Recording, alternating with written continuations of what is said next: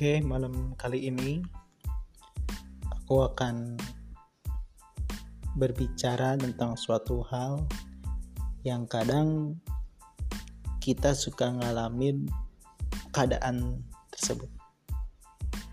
Dan mungkin di salah satu di antara kita bisa ngambil manfaatnya dari podcast kali ini.